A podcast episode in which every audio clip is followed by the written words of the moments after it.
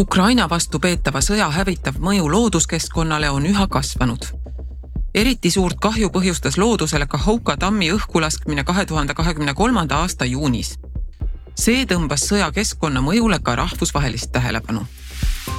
tänases saates uurime lähemalt, kuidas Venemaa-Ukraina vastane sõda on keskkonda kahjustanud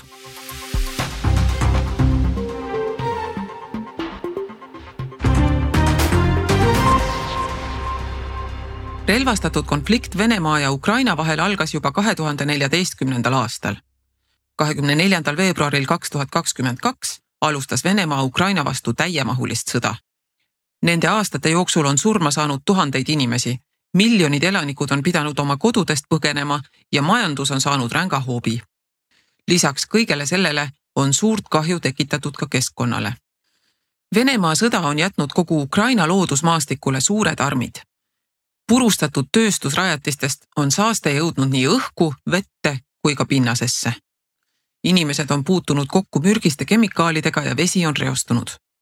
sõjast ei ole puutumata jäänud ka Ukraina taimestik ja loomastik.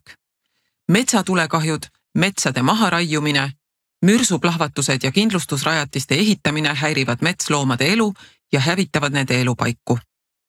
ei säästeta ka looduskaitsealasid ega rahvusparke eriti suurt muret on tekitanud pommitamine Zaporižia oblastis, kus asub Euroopa suurim tuumaelektrijaam.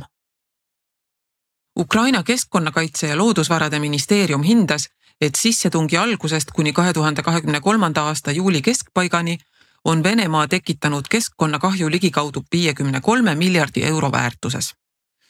sõja keskkonnamõju on hinnanud ka ÜRO keskkonnaprogramm, kelle sõnul seisab Ukraina silmitsi mitme üheaegse kriisiga mida põhjustavad kemikaalid, laskemoon, sõjatehnika, mitmesugused saasteained ning taristule, linnadele ja looduskeskkonnale tekitatud kahju.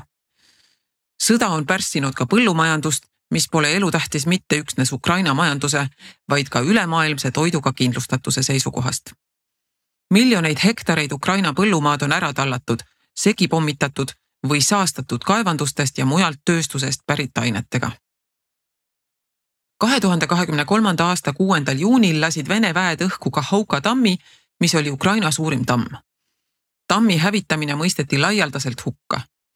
sellest räägiti kui ökotsiidist ja Euroopa suurimast keskkonnakatastroofist pärast Tšornobõli. tammi õhkimisel vallandunud vesi ujutas üle tuhandeid hektareid maad. surma sai kümneid inimesi ja tuhanded elanikud pidid oma kodudest lahkuma.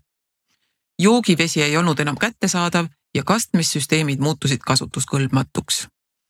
lisaks sattus loodusesse tonnide viisi saasteaineid.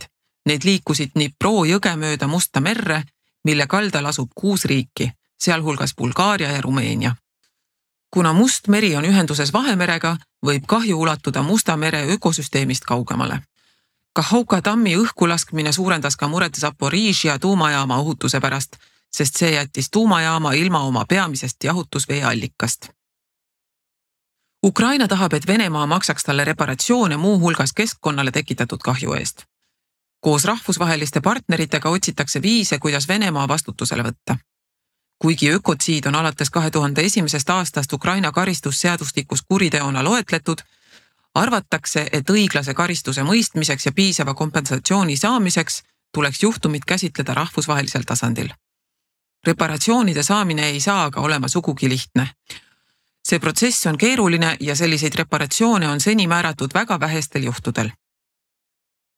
kahe tuhande kahekümne kolmanda aasta jaanuaris võttis Euroopa Parlament vastu resolutsiooni, milles nõudis erikohtu loomist, et uurida Ukraina vastast agressioonikuritegu. lisaks tunnistas parlament, et sõda on põhjustanud looduskeskkonnale ja kliimale pikaajalist kahju parlament toetas ÜRO Peaassamblee soovitust luua rahvusvaheline kahjuregister, mille kannete alusel see kahju tulevikus hüvitataks. kahe tuhande kahekümne kolmanda aasta juuni keskpaigas võttis parlament vastu veel ühe resolutsiooni. selles käsitleti Ukraina kestlikku ülesehitamist. resolutsioonis mõisteti hukka Kahhouka tammi õhkimine ja rõhutati, et see on sõjakuritegu, mis põhjustas ökotsiidi